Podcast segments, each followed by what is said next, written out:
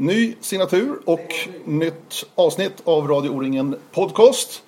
Och idag med en eh, medlem av det svenska skidlandslaget. Men också välkänd som en väldigt duktig orienterare. I alla fall förr i tiden. Martin Johansson, välkommen! Tackar! Grymt kul att se dig!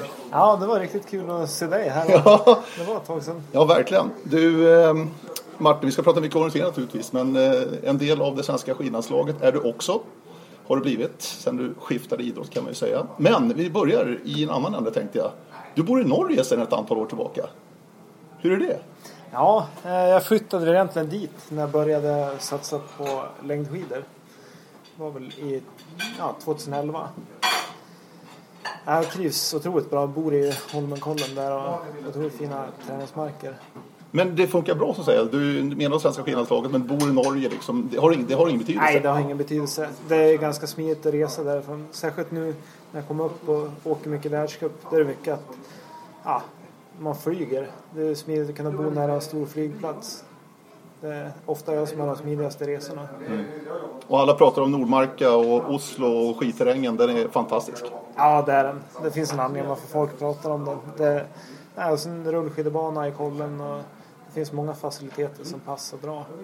Blir du kvar där tror du? I Norge? Framöver tänkte jag. Om du ser på sikt. Ja, men det blir i alla fall ett tag framöver. Tjejen är ju gammal orienterare. Hon, hon har jobb där. Så det är bra någon av oss har inkomst och jobbar på riktigt. Ja, just det. Du Martin, du var ju en grym multitalang. Som ung. Ja, jag har hållit på med lite olika idrotter. Ja, verkligen. Det, det kändes lite spretigt, men du tyckte om det där. Ja, jag gillade väl det. Jag var ju liksom van med det. Men sen, eh, ja, det var väl orientering som var mitt huvudfokus fram till VM i Trondheim. Och efter det skiftade jag och ville ge skidåkningen en chans. Så där har jag väl känt att då måste jag gå in ja, och ge, ge det jag kan för att kunna hävda mig på en bra nivå där. Mm. Men du, när du skulle välja idrottsgymnasium så hade du ju en mängd val. Och valet föll på skidorientering i det läget. Ja, Som kanske var den minst glamorösa idrotten egentligen. Ja, det var väl egentligen lite grann nytt för mig. Jag höll väl på med hockey eh, ganska länge. Sen ah, gick väl kanske inte så bra om man var lite liten där. Då började jag och en kompis, Gustav Hall, började åka lite skidorientering. Och sen, det var mycket kompisar som skulle välja Mora och sen blev väl Mora lite av den anledningen tror jag. Men du har inte ångrat det valet? Nej, absolut inte. Jag trivdes suveränt i Mora. Tyckte det var riktigt bra liksom, idrottskultur. Och, eh, ja, man lärde sig otroligt mycket där. Egentligen, ja. Men just det här med konditionsidrott, det verkar ju ha varit en grej. Vad, vad har du för gener tror du? ja. Nej, men jag, jag tror att jag har en bra pump om man pratar det. Det har jag liksom med syreupptaget. Det har jag haft med mig. Eh, så det är väl lite grann det man har levt på.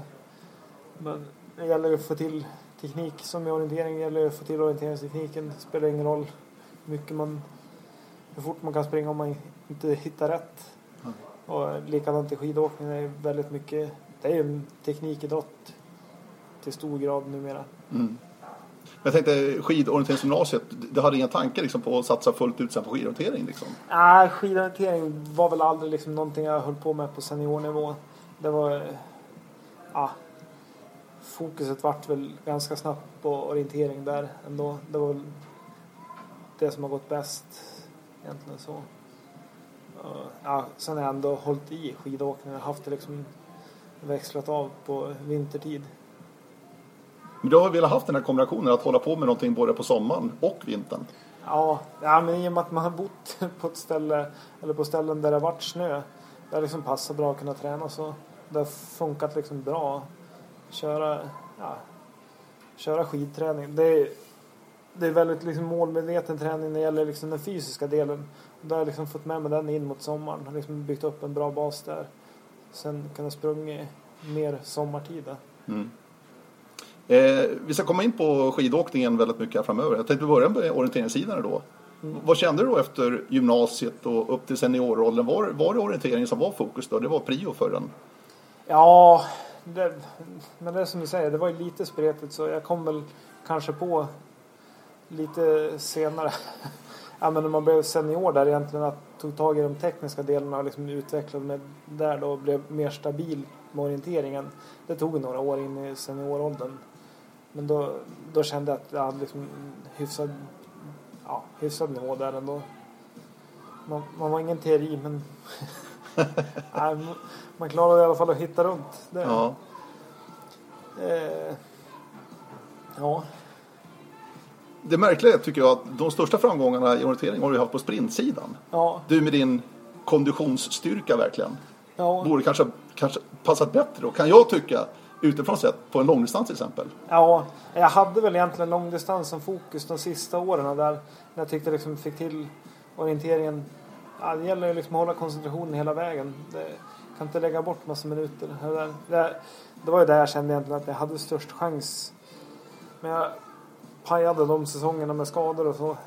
Dels Ungern som jag egentligen, där tyckte jag var ett riktigt bra slag. Då vart det någon pinne i benet som satte stopp för det där VMet.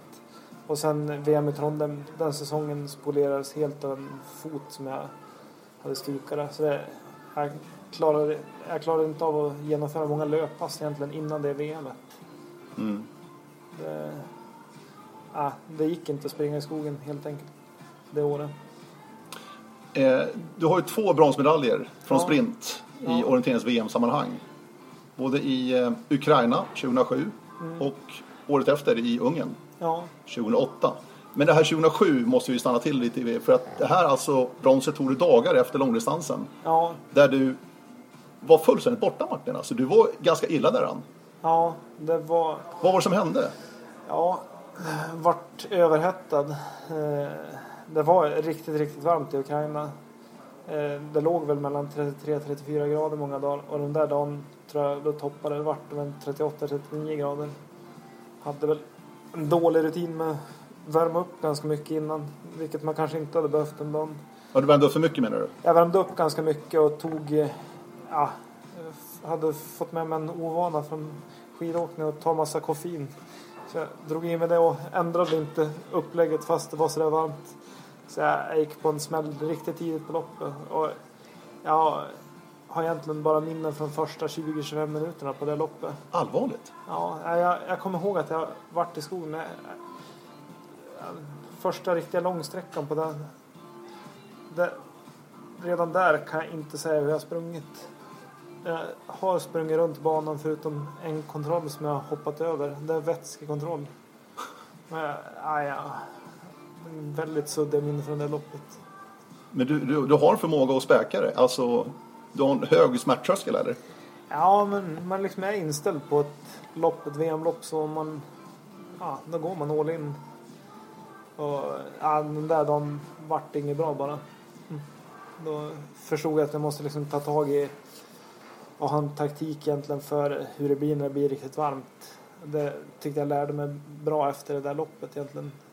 Verkligen ha, ja, ha en plan för eh, hantera värmen. Den, det är otroligt viktigt tycker jag på VM som ofta går mitt i sommaren. Jag kommer ihåg eh, efter där, det var dropp och allting. Alltså, du, det var riktigt dålig Martin. Jag tror jag fick en 3-4 liter dropp. Det var inte något sjukhus där sen. Jag, jag har inte... Jag tror att jag var där i flera timmar efter men jag kommer egentligen inte ihåg någonting. Mer än att det var, det var mycket folk och jag, jag kommer ihåg att någonting med några glassar. Det vet jag inte om jag fått berättat eller om jag kommer ihåg. De hade köpt glassar i, i kiosken där och kylde ner mig med. Men det, nej, det var... Ja, det var nog inget bra. Men ändå lyckas du återhämta dig. Jag vet inte hur många, jag kommer inte ihåg riktigt, var det var två dagar emellan. Nej, det var, det var Tre dagar kanske? Tre eller något sånt. Ja. Ja, jag, jag, Fram skulle, till sprinten jag skulle då? väl egentligen inte springa. Jag låg väl inne på hotellrum efter det där och skulle väl egentligen inte springa. Men jag hade, vi hade sprungit kval en vecka innan och var ju jävligt sugen på att springa. Eh, så jag tror jag var ute och sprang, joggade på sent, sent på kvällen dagen innan där. Sen smög jag upp på morgonen där och ja, jag var väl inte helt överens med Mia Joda som var läkare om att starta. Jag, jag ville starta men då, hon ville väl inte. Men jag, jag fick som jag ville till slut. Ja, Jag var, den dagen, jag, jag kunde liksom inte bli trött egentligen. Komma ihåg på sprinten. Var riktigt, riktigt bra form. Fast jag hade otroligt träningsvärk sen alla kramper jag hade fått från den överhettningen. Mm. Så jag, det var egentligen det som hindrade. Man kände musklerna var slitna från ja, kramperna. Men ja, det var bra känsla i övrigt. och brons blev det. Ja, det blev brons. Jag tror jag ledde med en 15 sekunder med bara några minuter löpning kvar. Men sen ja, surrade man väl bort det. Det, det säger lite också om din skalle. Du, du har en otrolig tävlingsskalle Martin. Ja, det... Ja, man har, någon, har någon tävlingsjävel i sig i alla fall. Men det måste du ha när man sysslar med idrott på den här nivån. Ja, ja men så, så är det med alla liksom på den här nivån. Man pratar om tävlingsjäveln och så, men jag tror egentligen det är ganska lika för alla. Det, man gillar det man håller på med och man, ja, man väl är inställd på de här viktiga loppen som man satt upp som mål. Då, då kan man hämta ut lite extra krafter. Mm. Eh, 2008 alltså brons också på sprinten i Ungern och 2009 då, eh, Tjeckien förlåt, Tjeckien var det 2008, eh, 2009 Ungern. Mm. Och den här stafetten, var inne på den här skadan du fick där och det här var ju ingen lek alltså. Nu, nu måste du berätta Martin vad du kommer ihåg av det här. Ja, men den, den kommer jag nog ihåg mer av från eh, Det är alltså stafetten, sista Ja, tävlingsdagen. Ja, jag gick ut som fyra. Vet jag. Och eh, Peter sprang andra. Öberg ja. Ja, Mm. David sprang första. Jag pratade med David och han, han hade gått väldigt rent. Han trodde att han liksom hade haft lång gaffel. Och jag, ja, jag tror... Jag var rätt så säker på att bägge de hade haft lång gaffel. De var väldigt säkra, både Peter och David, att ja, men jag visste att de hade gjort bra lopp. Jag gick ut som fyra ja, i ganska bra läge med Thierry och Småla och Norberg. Ja, det var de som gick ut alldeles Mm. före. Och jag, jag gick bra i skapligt i början. Och ja, visste att jag var i väldigt bra fysiskt slag. Det var väl det år jag liksom hade fått till med träningen bäst egentligen. Och ja, men jag var rätt säker på att jag var i, i alla fall i tätkänning där. Och växlade upp tempot på slutet där in mot, jag var väl inte så långt från varvning det här. I en utförsbacke och sen small det till i benet. Jag hoppade över någon trädstam. Trodde jag fick någon lårkaka och stapplade vidare. Sen kollade jag ner på benen några steg senare och såg att det stack ut en pinne från benen. Det var surrealistiskt. Ja, det kan jag tänka mig. Då satte jag mig ner. Och så, ah, så kom väl Thierry och Norberg kom strax efter. Jag ropade på, kom ihåg Thierry. Kom, Hope you haven't just twisted your ankle. Något sånt fick han ur sig. För han hade väl två år innan på VM har han väl ledat och haft både getingar och Det hoppat var över året fri- innan, det var året innan faktiskt. Ja, och hoppat över eh, kontroller. Så det var väl liksom tredje året på raken för han. så det var, men nej, det var inget snack om att de stannade. Jag fick hjälp därifrån.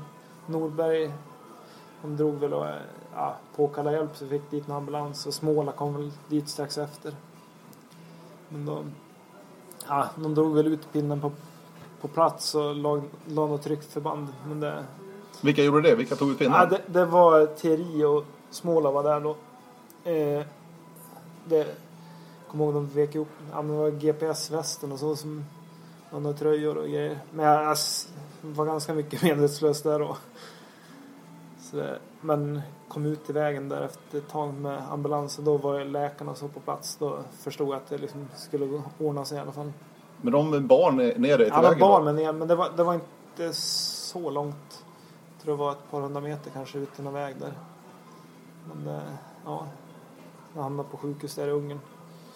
Det var lite snöpligt slut på ja, en ganska spännande stafett ändå. Det var Mm. många lag som slogs om det på slutet. Vi hade väl en ledning med 30-35 sekunder. Mm.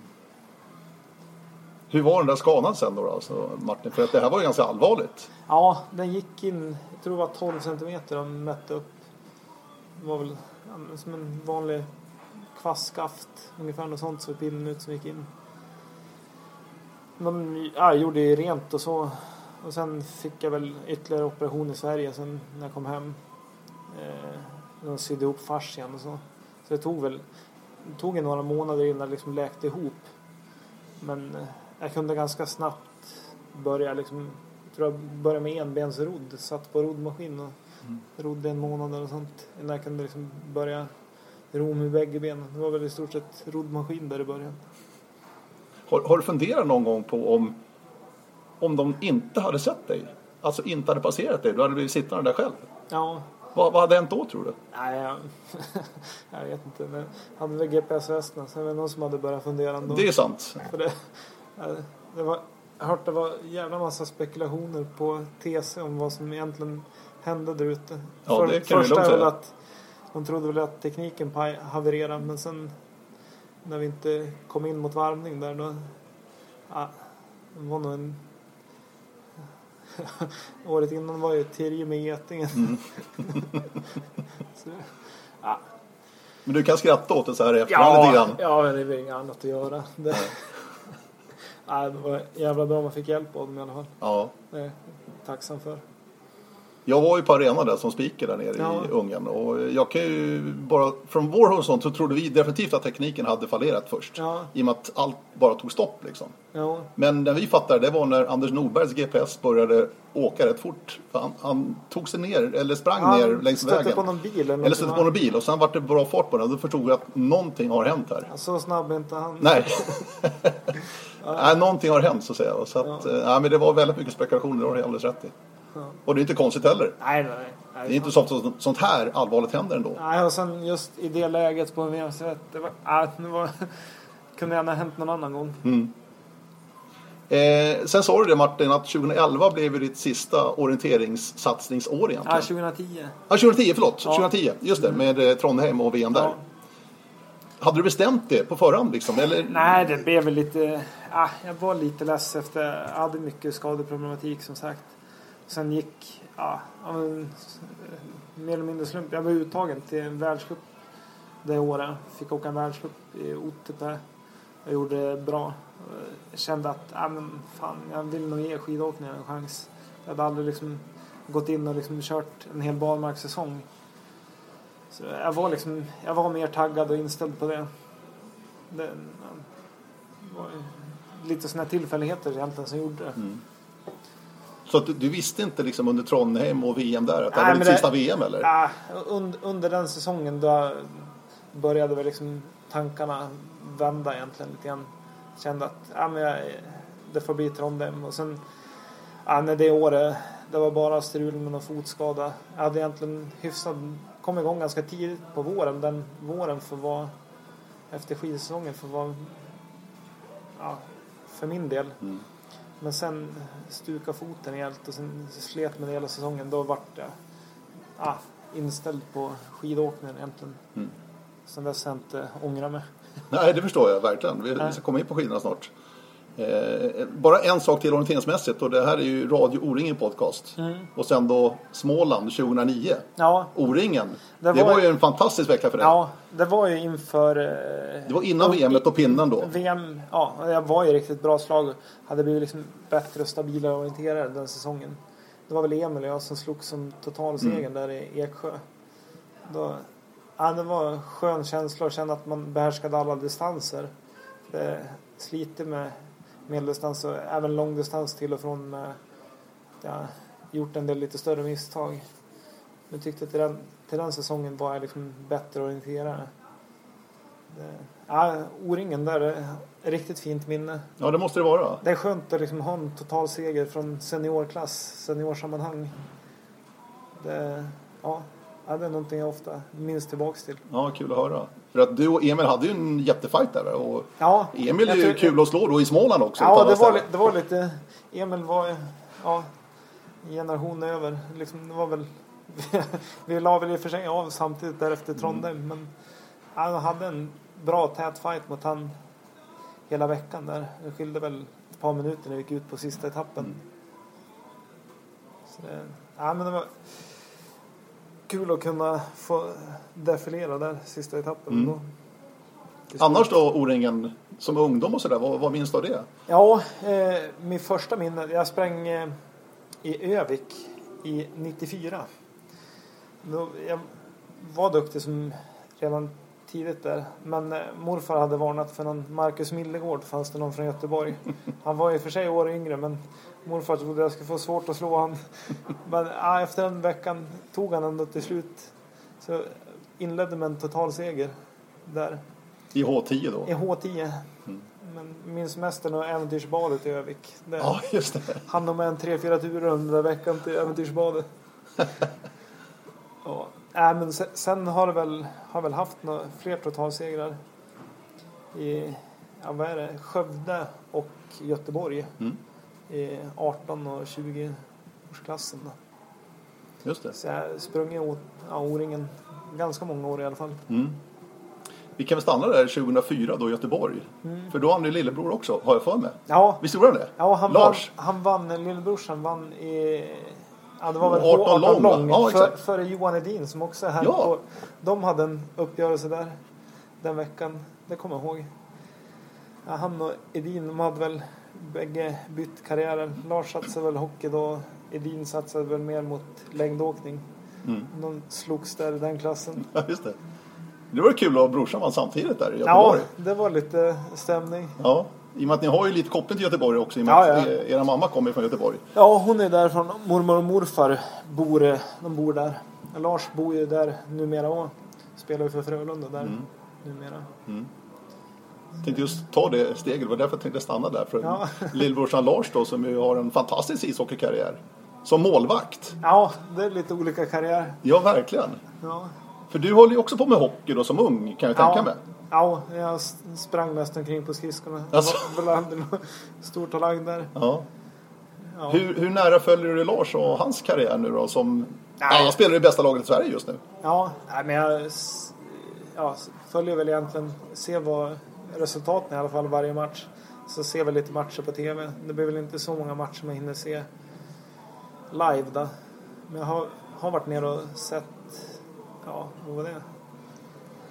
Nu på hösten i alla fall, varit nere en gång och sett när de spelade mot, var det Skellefteå? Fick jag se i alla fall. Eh, Ja, men försöker få med mig det jag kan. Det är, ja, är kul att se. Mm. Bra underhållning. Ja, verkligen. Men det är en helt annan idrottskarriär, alltså lagidrotten då kontra det du håller på med, den individuella idrotten. Ja, Vad ser du för skillnader där vid lag så att säga? ja det, det är ganska många skillnader men det är väl ja, många likheter. Äh, vad, ska, vad ska man... Nu blev det bara massa floskler. Äh, men det är liksom hård träning som ska till. De har ju otroligt bra uppföljning och väldigt målmedveten träning så ser man i alla fall som Frölunda. De har ju den här akademin. Det, ja, det känns riktigt proffsigt deras, deras satsning tycker jag. Mm. Det, men det, ja, som sagt, han har ju varit lite olika klubbar. Men det, det handlar ju om att du ska göra det bra som individuell. Alltså att du måste utveckla dig själv ändå. För det är ju det som gynnar laget. Sen gäller det att de ska bli samspelta och så på ett annat sätt. Där. Det har inte vi någon nytta av. av samåkta. Det, vi kan gärna ligga och klappra varandra på skidorna. Nej, men det, det handlar om att bli bra. Det gynnar ju laget där. Och, Hur- Era, era julmiddagar, pratar ni, vad, vad pratar ni om då? Ja, vi har inte haft så många juldagar de sista åren här. Jag har hållit mig i Oslo och han Ja. har väl varit i Mora. Nu får se om... De har väl tätt matchschema därefter så jag har inte sett så många jular här på slutet. Nej. Nej, men vi snackar väl lite grann så med, men inte så mycket träning. Nej. Det, men jag vill ta till mig lite grann från styrketräningen från dem lite grann. Mm. Det är väl ganska olika upplägg annars. På tal om olika upplägg, om du jämför då din orienteringssatsning Mm. på världsnivå jämfört med längdskidsatsningen då på världsnivå. Vad, vad är den största skillnaden skulle du säga? Ah, Jag vet att det är vinter och snö och skidor och sådär, Ja, men ja. alltså träningsmässigt, Ja, vad är den stora skillnaden? Träningsmässigt och så. Det, alltså det är ganska mycket större apparat runt skulle jag säga. Det är stor skillnad. Det är vallare, tränare, alltså det är en ganska stor stab. Nu de sista lägren har varit iväg, det har inte varit så många, många med men det, det blir ändå lite, lite mer folk runt omkring. Eh, ja, det skiljer ju en del. or- orienteringen är ju ja, du är beroende av folk som hänger ut skärmar och lite med kartor och sånt. Men det, det blir ändå ja, lite skillnad. Man, man reser runt för att få massa olika terräng där. Här är, reser vi omkring för att få fina förutsättningar. Det är i och för sig lite lika så. Då. Men du, du kan ju jämföra, du har ju varit på, på bägge ställena så att säga. Mängdmässigt, man pratar väldigt mycket om timmar tycker jag, eller längdskidåkare. Ja. Vilket kan kännas väldigt konstigt tycker jag många gånger. Ja. Det är väl inte hela sanningen, alltså antal timmar, eller? Nej, det blir ett ganska grovt mått på vad man egentligen gör. För det hör jag sällan på orienteringssidan, va? Att man Nej. pratar timmar. Nej. Förstår du vad jag menar lite grann? Att det, Ja. Därvidlag tycker jag det är stor skillnad, Ja. utifrån sett. Nej, men det, det blir väl... Ja, jag skulle säga orienterare har ju... Tränar ju mer högintensivt. Det är svårt att springa liksom lika lugnt i skogen. Vi håller ju mer kanske att man har upp vissa pulszoner ja, för träningen. Eh, Och att man håller sig där då. Att man håller liksom ramen. Orienteringen blir lite mer flytande. Det, ja, Mm. det är mer orienteringen som styr tempot. Det, Mm. ja. Hur, hur, hur pass strukturerad är du Martin och och har varit så att säga, när det gäller träning? Hur, hur pass välplanerad är du? Vad, vad du ska göra och hur mycket du ska göra Ja. och sådana här saker. Nej, men nu är det väl ganska strukturerat ska jag säga. Just nu. Det, ja, men det gäller liksom alltid ändå känna efter hur, hur det känns. Du kan inte bara sätta en plan och försöka följa. Det gäller liksom att förändra den. Men man vet ganska bra vid det här laget. Liksom, ja, men har jag si och så många timmar och det här innehåller, ja, men då, då vet jag liksom, ja, då är jag ungefär så här sliten. det, den känslan har man ganska mycket nu då. Det, det är kanske lite svårare med orientering. Där är mycket resande och jag tycker att ofta kunde man sitta och åka ganska mycket bil när man var iväg på läger. Man skulle till den kartan där, nästan lunchen i bilen på väg till nästa pass. Här är det liksom träna, äta, sova. Det är ja, ganska metodiskt egentligen. Man bygger sig upp på liksom lång sikt. Har det att göra med resurser tror du också? Ja, För att jag menar, längdskidlandslaget har ju klart större resurser än orienteringslandslaget om vi jämför så. Ja, ja. men sen, sen är det liksom olika saker som är olika viktigt. Orientering är ju otroligt viktigt att samla på sig terrängerfarenheter och ja, få de erfarenheterna. Så du måste lägga liksom tid på att resa runt så på ett annat sätt. Nu när vi åker på, en, på ett läger då flyger vi ner och sen är vi på det stället i två veckor och så är det träna, träna, äta, sova. Ja, mycket mer egentligen. Eh, så då kan du liksom träna mer och sen ja, och löpning belastar ju liksom mer om du bara springer. Nu när du åker rullskidor och så du kan komma upp i mycket större mängd. Så det, ja, det är 20-25 timmar om veck, ja, i veckan liksom Mm. sommartid mycket. Det är där man ligger mycket i träningstimmar. Hur, hur ser det ut nu då Martin? Jag tycker du har tagit steg för steg, ganska små steg men ändå tydligt, blir bättre och bättre. Ja. Hur känns det nu då? Har du tagit ytterligare kliv tror du? Känns det så inför den Ja. här vintern som ni har framför oss? Jag hoppas det. Det, det känns som det. Eh, blivit, det är mycket tekniken som jag har försökt jobba med. Motorn och så har jag känt att jag hänger med ganska bra ja, med den och det, där har jag liksom en bra kapacitet. Men det, ja, här skidåkningen är ju liksom otroligt tät. Det är inte många sekunder som skiljer alltid från en 30 till en pallplats. Men det, det är de sekunderna som är svåra att ta.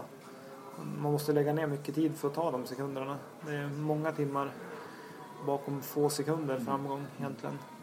Det, nej, år är ju första året på A-laget. Jag känner att ja, jag har försökt ta chansen egentligen och dra nytta av det och försöka utvecklas så mycket man kan. Mm. Det, förhoppningsvis kan, kan det ge ett lyft i vinter.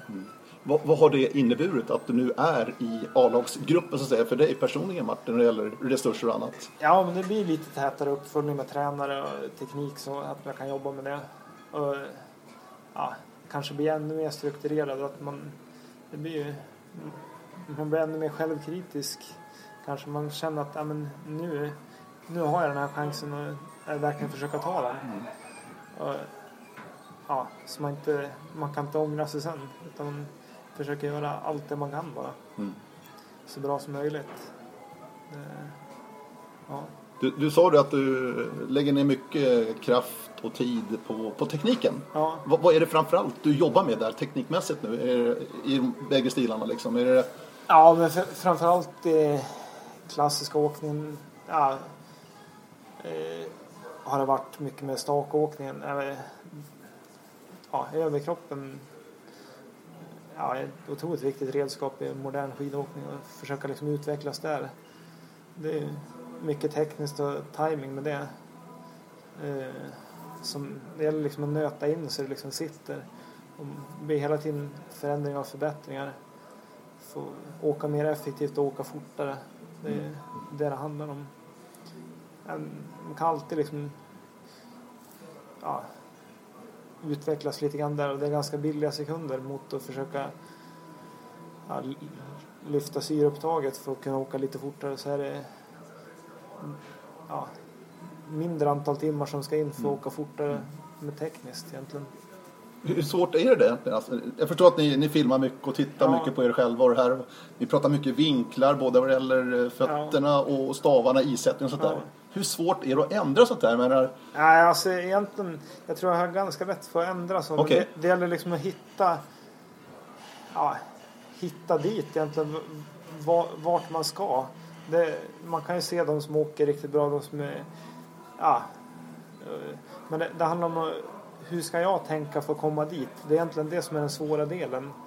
Det är liksom, ja men du ska ha mer vinkel där och där och där. Men du, kan inte ha så många tankar i huvudet och få till det.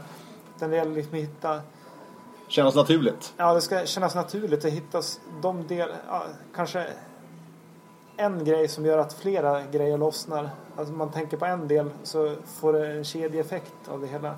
Det handlar om att hitta det för din egen del. Liksom. Och det är olika för alla. Det finns liksom inte en universallösning. Det, ja. Eh, liksom orka jobba med det liksom mentalt under liksom passen hela tiden. Mm. Är, man åker och tänker otroligt mycket när man åker skidor så här. Men sen, Du gör det alltså? Ja, men sen, man kan tycka att det liksom ser hjärndött ut men det, ja, man får ju verkligen åka liksom, ja, känna efter och tänka liksom mycket hela tiden. Så Mm. det, det kräver liksom hög kon- koncentration om du ska få ut max av det. Mm. Det. Det tycker jag är en stor skillnad istället för att bara ut och hoppa på skidorna och beta av två, tre timmar. Utan det, det handlar om att ha liksom inställning och kvalitet med sig hela tiden. Mm. Du, eh, klassiska eh, kontra då den fria tekniken. Ja, Där har väl du gillat det bäst den fria tekniken egentligen va? ja jag har väl varit lite Alltså rent historiskt? Ja, li, lite vassare där egentligen. Men ja, jag har väl egentligen ganska bra resultat när det varit ganska kuperade klassisbanor. Då har det funkat bättre för min del. 80 per typ. Ottepe, Kollen, så då, då har det funkat bättre åt mig. Det, det har väl lite grann med överkropp och stakning, liksom, de delarna. Mm. De har jag försökt lägga extra krut på.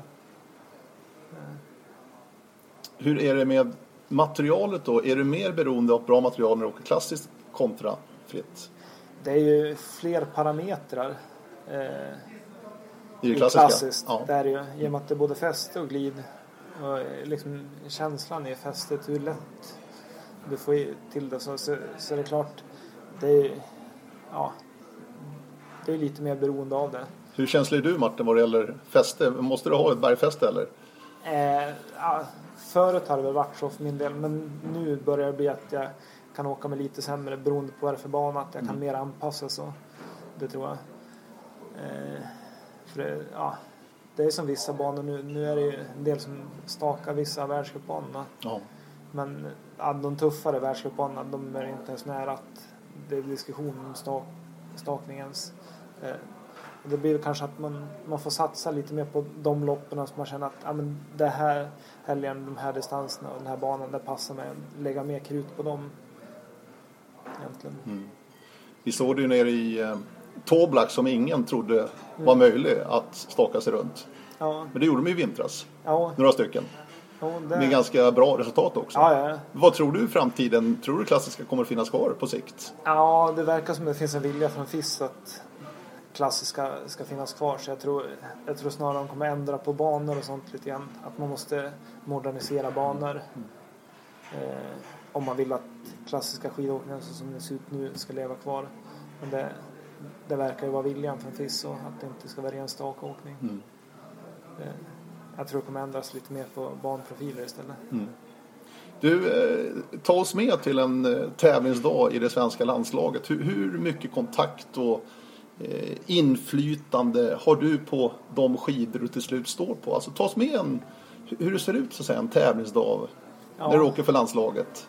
Ja, jag kan, kan ju ta hur det ser ut för mig. Ja. För vallarna har ju betydligt längre dagar än vad vi har egentligen. Ja, Det är egentligen, ja, som för oss är det ju som minst belastning när vi är ute och tävlar egentligen.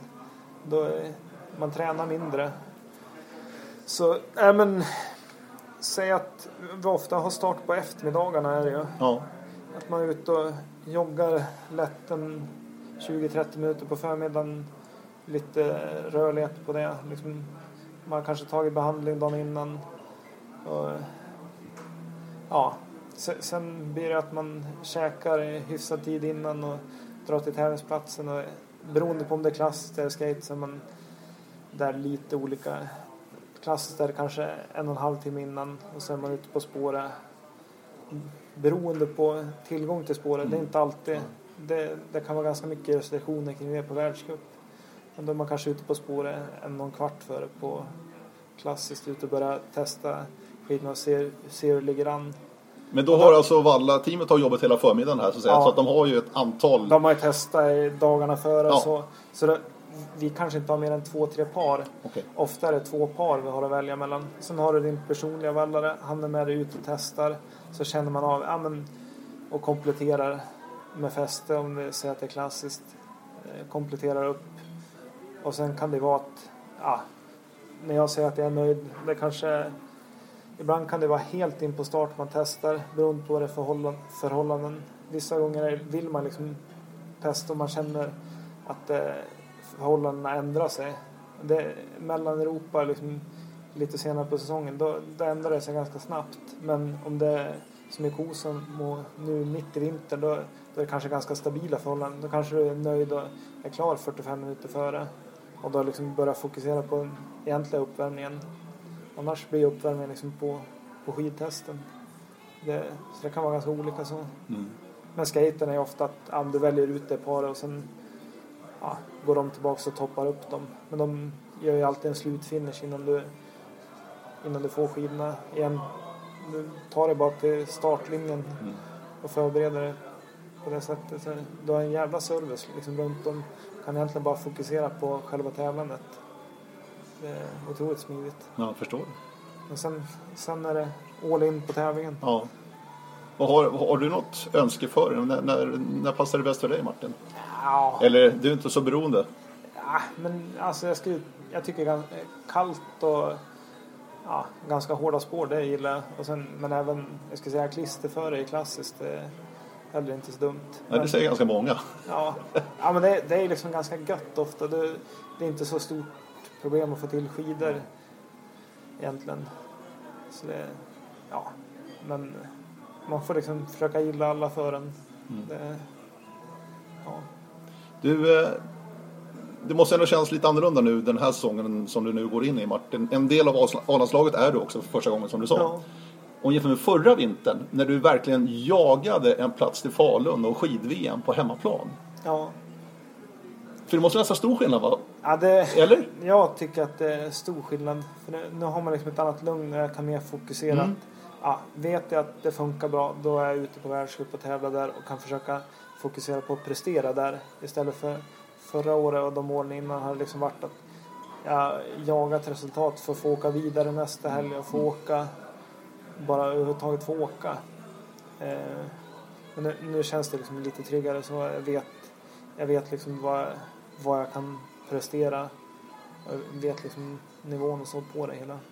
Men samtidigt kanske det bra ibland också att ha den här, alltså den här Ja. att man måste, måste någonstans. Ja, men det, samtidigt lite skönt och, Mm. som nu att man har ett lite mer lugn och man kan verkligen jobba eh, jobba lite mer långsiktigt kanske.